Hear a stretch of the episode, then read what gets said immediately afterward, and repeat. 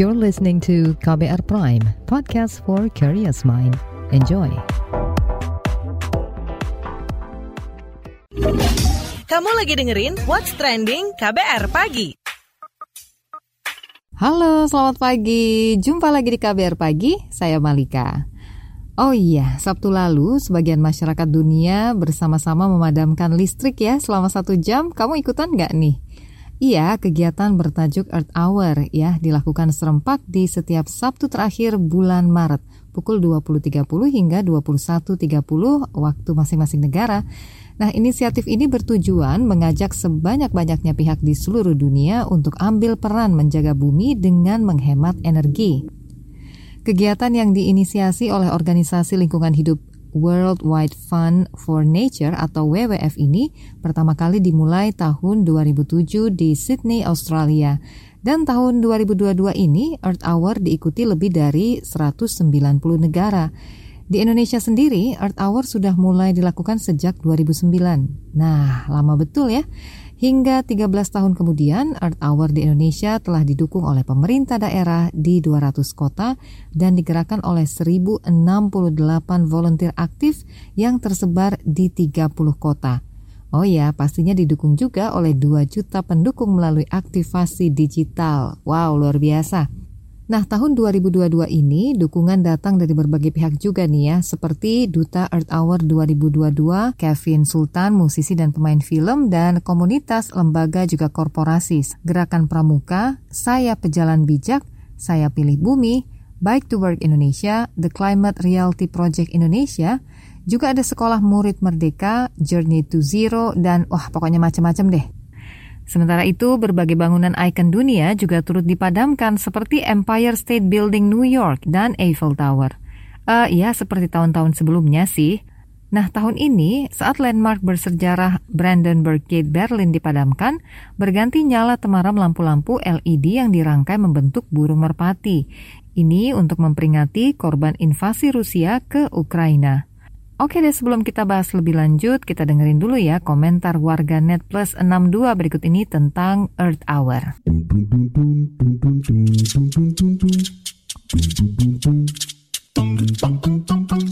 Kita ke komentar at WWF underscore ID. Earth Hour merupakan simbol pemersatu bagi gerakan lingkungan sebagai aksi nyata dalam memulihkan lingkungan di Indonesia maupun di dunia. Lalu komentar at B2W Indonesia. Kowe serempak 34 provinsi di Indonesia untuk peringatan Earth Hour tahun ini, Sabtu 26 Maret 2022. B2W Indonesia berkolabor aksi dengan Earth Hour Indonesia dan Journey to Zero menyelenggarakan virtual ride sejauh 14 km. Lanjut ke Ad Alliance ID, teman Alliance, dampak perubahan iklim untuk bumi makin mengkhawatirkan. Dalam rangka merayakan Earth Hour 2022, Alliance Indonesia ikut berpartisipasi dengan mematikan lampu di wilayah kantor pusat Alliance Indonesia yang berlokasi di Jakarta. Ke komentar at Medcofound, menurut data yang diambil dari situs WWF Indonesia, tiap 10% warga Jakarta yang mematikan lampu ketika Earth Hour, energinya bisa dimanfaatkan memenuhi kebutuhan listrik bagi 900 desa. Lanjut at Lampung G. Seluruh masyarakat Lampung diimbau mematikan lampu rumah sebagai bentuk pelaksanaan gerakan Earth Hour serentak di seluruh Indonesia. At Aritra Fringe, Earth Hour 2022. Tim at isis.indonesia, area Rumah Sakit Hermina Palembang bersama-sama melakukan pemadaman listrik di tempat tinggal masing-masing selama satu jam. Lalu at Elisa El Toruan, ikut mendukung Earth Hour 2022. Aliran listrik dimatikan selama satu jam di Bogor. Dan terakhir komentar at Suara Muda BDG. Tema Earth Hour 2022 Shape Our Future, tahun yang penting bagi semua orang dan planet bumi. What's Trending KBR Pagi Masih di KBR Pagi, barengan saya Malika, Gubernur DKI Jakarta Anies Baswedan memandang Earth Hour ini sebagai momentum untuk membentuk kesadaran bersama dalam menjaga masa depan bumi. Tindakan nyata ini, kata dia, dibutuhkan agar bumi bisa berkelanjutan demi generasi mendatang. Kita simak yuk penuturan Anies Baswedan. Setiap tahun selama satu jam pada hari Sabtu terakhir di bulan Maret, Jakarta bersama 190 negara bersatu dalam Earth Hour Earth Hour adalah momentum pemersatu bagi jutaan orang di dunia untuk sama-sama mengingatkan tentang pentingnya membangun masa depan yang lebih baik. Earth Hour merupakan sebuah gerakan Ini adalah gerakan nyata untuk sama-sama menciptakan kesadaran tentang pentingnya menjaga masa depan bumi kita untuk memastikan bahwa bumi yang kita tempati ini bisa lebih lestari dan berkelanjutan untuk generasi yang masa datang. Sedangkan Wakil Gubernur Jawa Timur Emil Dardak mengajak warganya untuk bisa lepas dari alat-alat elektronik yang membutuhkan energi tenaga listrik barang sejam saja saat momen Earth Hour. Kata dia, langkah sederhana ini menunjukkan kepedulian masyarakat terhadap lingkungan hidup. Seperti apa sih ajakan Emil? Assalamualaikum warahmatullahi wabarakatuh. Salam sejahtera untuk kita semua. Saya Emil Dardak, Wakil Gubernur Jawa Timur, mengajak segenap masyarakat untuk turut mensukseskan program Switch Off 2022 yang didorong dan dilaksanakan oleh komunitas Earth Hour Surabaya. Tentunya kita tahu kita seakan-akan tidak bisa lepas dari alat-alat elektronik dan tentunya yang membutuhkan tenaga listrik. Namun mari kita dalam satu jam memberikan dukungan kita agar kita memberikan sebuah kepedulian kepada lingkungan hidup kita dengan langkah sederhana yaitu mensukseskan program Switch Off 2022. Sukses sekali lagi untuk komunitas Earth Hour Surabaya. Wassalamualaikum warahmatullahi wabarakatuh. Selanjutnya, Wakil Wali Kota Depok, Imam Budi Hartono pun mengajak seluruh warga Depok menjaga bumi dengan tak membuang sampah sembarangan yang merusak aliran air hingga merusak alam. Kita simak ya penuturannya. Pembangunan di Kota Depok harus untuk semua. Untuk itu, saya mengajak kepada seluruh warga di Kota Depok apalagi teman-teman komunitas yang keren banget menurut saya menjaga bumi dengan cara bagaimana bisa tidak membuang sampah sembarangan terutama sampah plastik kepada aliran air dalam hal ini sungai, situ dan lain sebagainya karena pasti akan merusak alam yang berakhir kepada banyaknya plastik di laut kita. Untuk itu mari kita jaga bersama konsep pembangunan kita adalah konsep membangun tanah dan air. Ke depan insya Allah Kota Depok memiliki konsep penanganan sampah berbasis komunitas atau berbasis warga. Mudah-mudahan kita bisa habiskan sampah di tingkat hulu sehingga tidak lagi kita membuang sampah ke TPA Cipayung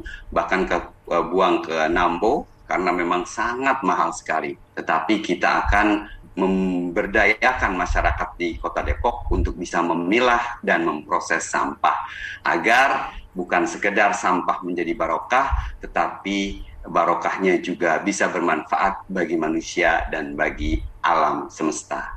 Nah, sementara itu, sejak menjalankan Earth Hour, Kota Depok terus berkomitmen nih meneruskan kegiatan yang mendukung pelestarian lingkungan, seperti menghemat energi dan mengurangi gas emisi.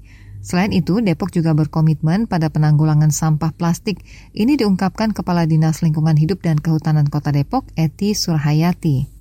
Depok senantiasa semenjak dibentuknya Earth Hour ini terus berkomitmen untuk terus melakukan kegiatan-kegiatan Earth Hour. Bahkan berkembang saat ini melaju kepada penanggulangan sampah plastik ya. Kesempatan ini kami juga mengajak semua pihak tentunya tidak hentinya hentinya untuk ikut melakukan hemat energi kalau memang tidak perlu lampunya atau energinya diaktifkan untuk tidak diaktifkan karena Depok adalah salah satu kota yang telah mengikuti komitmen dunia. Depok merupakan salah satu kota yang diikutkan dari lima kota di Indonesia untuk berkomitmen di dalam mengurangi gas emisi gas rumah kaca ini. Oleh karenanya kami berharap Depok dapat mencapai cita-citanya insya Allah di tahun 2030 mengurangi 11 persen dari gas rumah kaca yang saat ini terjadi. Oleh karenanya komunitas-komunitas seperti ini terus kita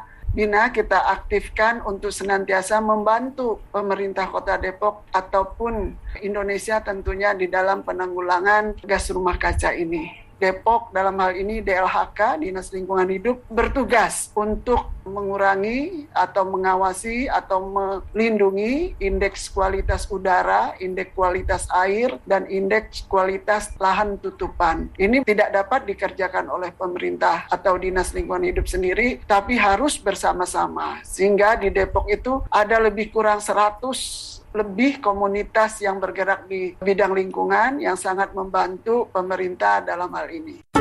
What's trending KBR pagi? Newsbeat. Kepala Organisasi Perdagangan Dunia atau WTO, Ngozi Okonjo-Iweala memperingatkan konflik di Ukraina dan sanksi-sanksi yang dijatuhkan ke Rusia oleh negara-negara barat bisa membuat kenaikan harga pangan dunia. Menurut Okonjo Iweala, situasi ini bisa mengarah pada bencana kelaparan yang berebut pangan dan ketahanan pangan sangat bergantung pada impor. Negara-negara miskin dan kelompok masyarakat miskin di negara miskin akan jadi kelompok yang paling menderita dari perang itu. Kata dia, Rusia dan Ukraina menyediakan 24 persen suplai gandum dunia. Semua bahan pangan impor yang melintasi Laut Hitam adalah bahan pokok yang penting bagi keberlangsungan 35 negara di benua Afrika. Sementara banyak pelabuhan di Laut Hitam yang biasa digunakan untuk ekspor gandum masih ditutup akibat perang. Pada Rabu lalu, Taliban menutup kembali sekolah untuk anak perempuan. Keputusan itu mengejutkan karena sebelumnya Taliban telah membuka sekolah perempuan. Akibatnya, Amerika Serikat pun membatalkan pembicaraan bersama Taliban di Qatar. Padahal rencananya, pembicaraan itu dimaksudkan untuk mengatasi masalah ekonomi di Afghanistan. Dilansir Al Jazeera Sabtu lalu, pembatalan dilakukan Amerika setelah kecewa karena Taliban membatalkan keputusan untuk mengizinkan anak perempuan kembali ke sekolah.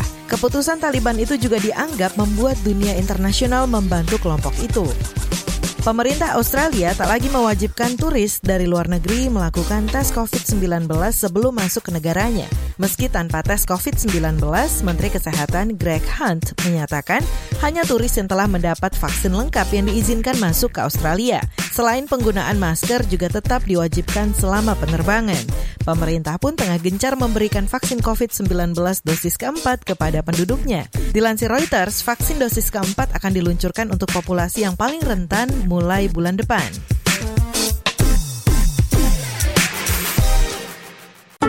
What's Trending KBR Pagi Kamu masih menyimak KBR Pagi bersama saya Malika. Marco Lambertini, Direktur Jenderal WWF Internasional mengatakan bahwa 2022 tetap menjadi tahun yang kritis bagi bumi, rumah kita bersama. Tahun ini kesempatan bagi komunitas di seluruh dunia untuk mengungkapkan aspirasinya, mengambil tindakan positif dan menyerukan kepada dunia di mana manusia dan bumi dapat berkembang bersama. WWF Indonesia berharap dengan Earth Hour dapat terus menginspirasi pengusaha dan selanjutnya makin banyak komitmen baru dari pemerintah untuk menciptakan program-program lingkungan hidup yang dapat dikolaborasikan banyak kelompok dalam kehidupan sehari-hari. Yuk kita ngobrol bareng Galih Aji Prasongko, Youth and Education Team Yayasan WWF Indonesia. Oke, Galih, bagaimana sih evaluasi Earth Hour 2022 dibanding tahun lalu? Ya, yang pertama antara yang tahun ini dengan tahun yang lalu pasti konteksnya masih sama-sama di tengah pandemi ya Mbak. Kalau dibandingkan tahun-tahun sebelumnya, sebelum pandemi pasti ya banyak kegiatan yang tidak bisa dilakukan secara offline atau pengumpulan atau meng, apa namanya artinya kita mengumpulkan orang ke dalam satu titik dan banyak gitu ya. Itu tidak bisa dilakukan secara offline. Bukan tidak bisa dilakukan tapi beberapa tempat tidak bisa dilakukan. Tapi ada juga beberapa tempat yang sudah bisa melakukan. Jadi memang antusiasmenya untuk melakukan kegiatan secara simbolis gitu ya lebih banyak sih dibandingkan dengan tahun kemarin gitu ya. Karena memang kan kalau tahun kemarin kan masih sangat kondisi pandemi masih sangat ini ya tinggi gitu ya. Tapi kan dengan kondisi pandemi yang semakin menurun, jadi bahkan banyak orang yang melakukan kegiatan secara individu, berbasis kelompok, dan banyak juga hotel dan restoran yang juga mulai melakukan perayaan Earth Hour di beberapa tempat. Nah, siapa aja nih yang berpartisipasi? Apakah uh, sesuai nih dengan target? Kalau kita sih sebenarnya nggak punya target khusus ya maksudnya karena di Earth Hour itu kan sebenarnya Earth Hour itu kan adalah aksi simbolis yang kemudian mengajak komitmen individu atau sektor usaha gitu ya dan pemerintah gitu ya. Kalau dilihat dari itunya sih komitmen-komitmen tersebut artinya di konteks perayaan seperti Jakarta misalnya kemarin kita tadi malam kita monitor hampir semua orang di Jakarta itu berpartisipasi dalam Earth Hour levelnya sampai di level tingkat RT dan RW gitu. Bahkan di level RT RW itu kepala RT dan RW-nya itu membuat surat edaran kepada individu-individu yang ada di lingkungan rumah gitu ya untuk melakukan Earth Hour dan kita monitor berjalan cukup masif gitu di Jakarta. Begitu juga dengan kota-kota yang lain. Jadi sebenarnya perayaan Earth Hour ini untuk tahun ini kemarin itu kita mendapat komitmen dari 30 kota di Indonesia. Hasil monitor sementara kita sih semuanya melakukan perayaan tersebut, menjalankan komitmen-komitmen aksinya. Jadi bukan hanya sekedar merayakan selama satu jam, tapi ada komitmen-komitmen baru gitu ya yang mau dilakukan setelah Earth Hour gitu ya. Baik itu merubah pola hidup atau melakukan aksi-aksi penanaman pohon dan yang lain-lain. Kalau boleh dijelaskan kembali nih Gali, apa sih pengaruhnya kegiatan kemarin itu? Selama saya mengawal Earth Hour sejak dari 2010 gitu ya, kurang lebih 12 tahun gitu ya, Earth Hour, sedangkan kalau di Indonesia kan ini perayaan yang ke-14 gitu ya. Saya cukup cukup kaget gitu ya dengan antusiasmenya yang saya pikir ini gitu ya. Kemudian kan orang banyak gitu ya terkait soal lingkungan ya persoalan hidup, persoalan manusiaan dan yang lain. Tapi pada perayaan Art Hour ini ternyata banyak antusiasme dari individu maupun sektor usaha dan pemerintah sendiri gitu ya. Jadi banyak pemerintah daerah yang juga membuat komitmen-komitmen baik dalam dalam perayaan Art Hour ini. Jadi setelah Art Hour, misalnya di Jakarta dengan melalui momentum Art Hour, pemerintah Jakarta membuat sebuah program berdasarkan instruksi gubernur gitu ya untuk melakukan Art Hour setiap bulan itu dua kali. Terus juga kemudian ada pemerintah Kota Bogor dan Depok yang kemudian juga berkomitmen untuk membuat sebuah program untuk pengurangan sampah plastik di mana kemudian sampah plastik ini kan selama ini problem utamanya adalah dari konsumsi rumah tangga kemudian mengalir ke sungai terus kemudian mencemari lautan. Nah, itu pemerintah Kota Depok dan Kota Bogor sudah berkomitmen untuk mengurangi itu melalui momentum Art Tower. Nah, contoh-contoh seperti itu yang sebenarnya banyak kita dapatkan sih di Art Tower perayaan Tower tahun ini. Selama pandemi ini bagaimana sih sebenarnya penggunaan energi? Yang pasti ketika kondisinya pandemi, terus kemudian banyak orang yang melakukan aktivitasnya di rumah, gitu ya kan. Tentunya konsumsi energinya pasti lebih tinggi dibandingkan sebelum pandemi, karena kan kalau sebelum pandemi gitu banyak orang yang melakukan aktivitas di luar ruangan, jadi tidak perlu memakai uh, yang berlebihan. Tapi di saat pandemi pasti konsumsinya berubah. Tapi sejak awal gitu ya, sejak awal pandemi kita terus tetap mengkampanyekan budaya gaya hidup yang kemudian lebih hemat, terus disustain gitu ya kan bukan hanya dalam konteks konsumsi energi atau konsumsi elektronik juga banyak masyarakat untuk lebih peduli lagi terhadap hasil-hasil dari pola konsumsinya misalnya kalau kemudian ada sampah dan segala macam pengelolaannya juga kemudian harus dipikirkan. Oke deh. Nah, dari Earth Hour yang sekarang sudah uh, dilakukan di 2022 seperti apa kemudian penetapan goalnya di hari-hari mendatang? Ya, harapan kita sih seperti gini, kalau Art Hour akan tetap ada menjadi sebuah kampanye simbolis gitu ya, yang kemudian akan menginspirasi banyak individu, pengusaha ataupun perusahaan untuk lebih membuat komit-komitmen baru gitu. Nah, terkait dengan itu sebenarnya kita harapan kita semakin banyak komitmen baru misalnya di konteks pemerintah gitu ya sebagai eksekutif ya harapan kita melalui kampanye Art Hour ini ada sebuah komitmen-komitmen baru dari pemerintah gitu ya dalam hal ini bukan hanya dalam konteks regulasi dan aturan gitu ya, tapi program-program lingkungan yang kemudian bisa dikolaborasikan dengan banyak kelompok dalam kehidupan sehari-hari. Ya, misalnya tadi terkait dengan isu plastik, terkait dengan polusi udara, transportasi publik, terkait dengan ruang terbuka hijau, juga termasuk dengan konservasi sumber daya alamnya gitu ya. Jadi kita tetap menjaga itu melalui tower dan baru yang bukan hanya komitmen milik milik eh, individu tapi milik kita semua sehingga kemudian kita akan mendapatkan tanggung jawab pengelolaan lingkungan itu menjadi sebuah tanggung jawab kita bersama. What's trending KBR pagi? Commercial break. Commercial break. Ada kesedihan, air mata, dan trauma. Namun ada juga gelak tawa, bahagia, dan rasa bangga. Cerita kehidupan manusia adalah perjuangan dan pembelajaran. Pertanyaan dibalik itu secara psikologi, apakah dia punya niat membunuh? Kan belum tentu. Saya kaget ketika ada konflik sesama orang Madura sendiri mengatasnamakan aliran keagamaan. Sejak itu, warga Syiah harus mengungsi sampai sekarang. Untuk kehidupan saya pada waktu itu aja nggak menentu kan. Boro-boro mikirin untuk perpustakaan gitu. Saga, cerita tentang nama, peristiwa, dan fakta. Liputan khas KBR ini telah memenangkan berbagai penghargaan nasional dan internasional. Anda sedang mendengarkan program Saga Produksi KBR. Simak di program Buletin Pagi pukul 6 waktu Indonesia Barat, Buletin Sore pukul 16 waktu Indonesia Barat, dan KBR Pagi pukul 7 waktu Indonesia Barat. Dengarkan Saga di radio jaringan KBR di Nusantara atau streaming di kbr.id. Saga juga hadir dalam bentuk podcast di kbrprime.id. KBR Inspiratif Terpercaya. What's Trending KBR Pagi.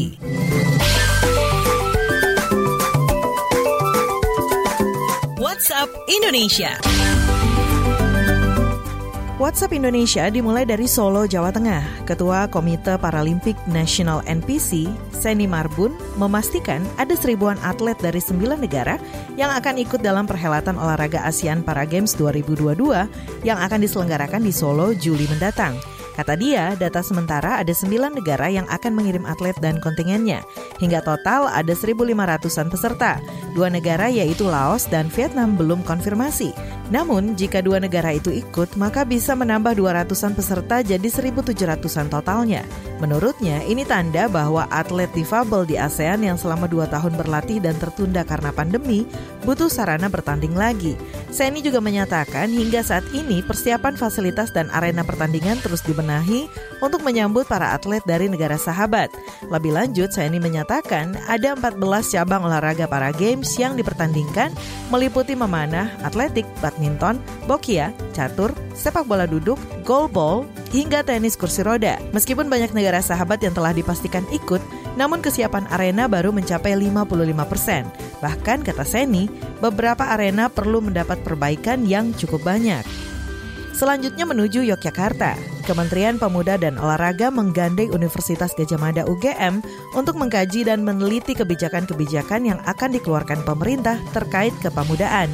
Menpora Zainuddin Amali menyatakan, pelibatan perguruan tinggi seperti UGM dapat mendorong prestasi olahraga dan kemandirian pemuda Indonesia. Menurut Menpora, pihaknya menempatkan perguruan tinggi sebagai pemandu utama dalam prestasi, khususnya sport science. Karena kata dia tidak ada lagi sekarang, karena kata dia tidak ada lagi sekarang ini prestasi yang mengandalkan bakat semata, tapi prestasi yang muncul di seluruh negara di dunia itu dipandu oleh sport science. Menpora menjelaskan saat ini Indonesia punya bonus demografi yang melimpah. Tercatat sebanyak 25% persen dari total penduduk adalah pemuda. Maka dari itu, dengan pendidikan dan kajian dari perguruan tinggi yang diadakan di UGM, Menpora berharap bisa mendorong pemuda lebih kreatif, inovatif, dan mandiri serta memiliki daya saing. Terakhir mampir ke Balikpapan, Kalimantan Timur. Pemerintah Kota Balikpapan mulai mempercepat vaksinasi booster jelang Ramadan dan Idul Fitri. Kepala Dinas Kesehatan Kota Balikpapan, Andi Sri Juliarti menyatakan, pihaknya akan menjemput bola dengan mendatangi rumah-rumah warga dan masjid. Upaya itu juga sebagai tindak lanjut dari kebijakan pemerintah terkait kemungkinan vaksinasi dijadikan syarat mudik. Andi menambahkan, saat ini capaian vaksinasi booster baru mencapai 20-an persen. Untuk itu, percepatan harus terus dilakukan agar masyarakat lebih tenang saat beribadah. Andi menyatakan saat ini ada sekitar 27 puskesmas yang melayani vaksinasi booster hingga malam hari. Demikian WhatsApp Indonesia hari ini. Demikian KBR pagi hari ini. Jika Anda tertinggal siaran ini, Anda bisa menyimaknya di podcast What's Trending di Spotify atau di kbrprime.id. Podcast for Curious Mind. Saya Malika, bye. Terima kasih ya sudah dengerin What's Trending KBR Pagi. KBR Prime, cara asik mendengar berita. KBR Prime, podcast for curious mind.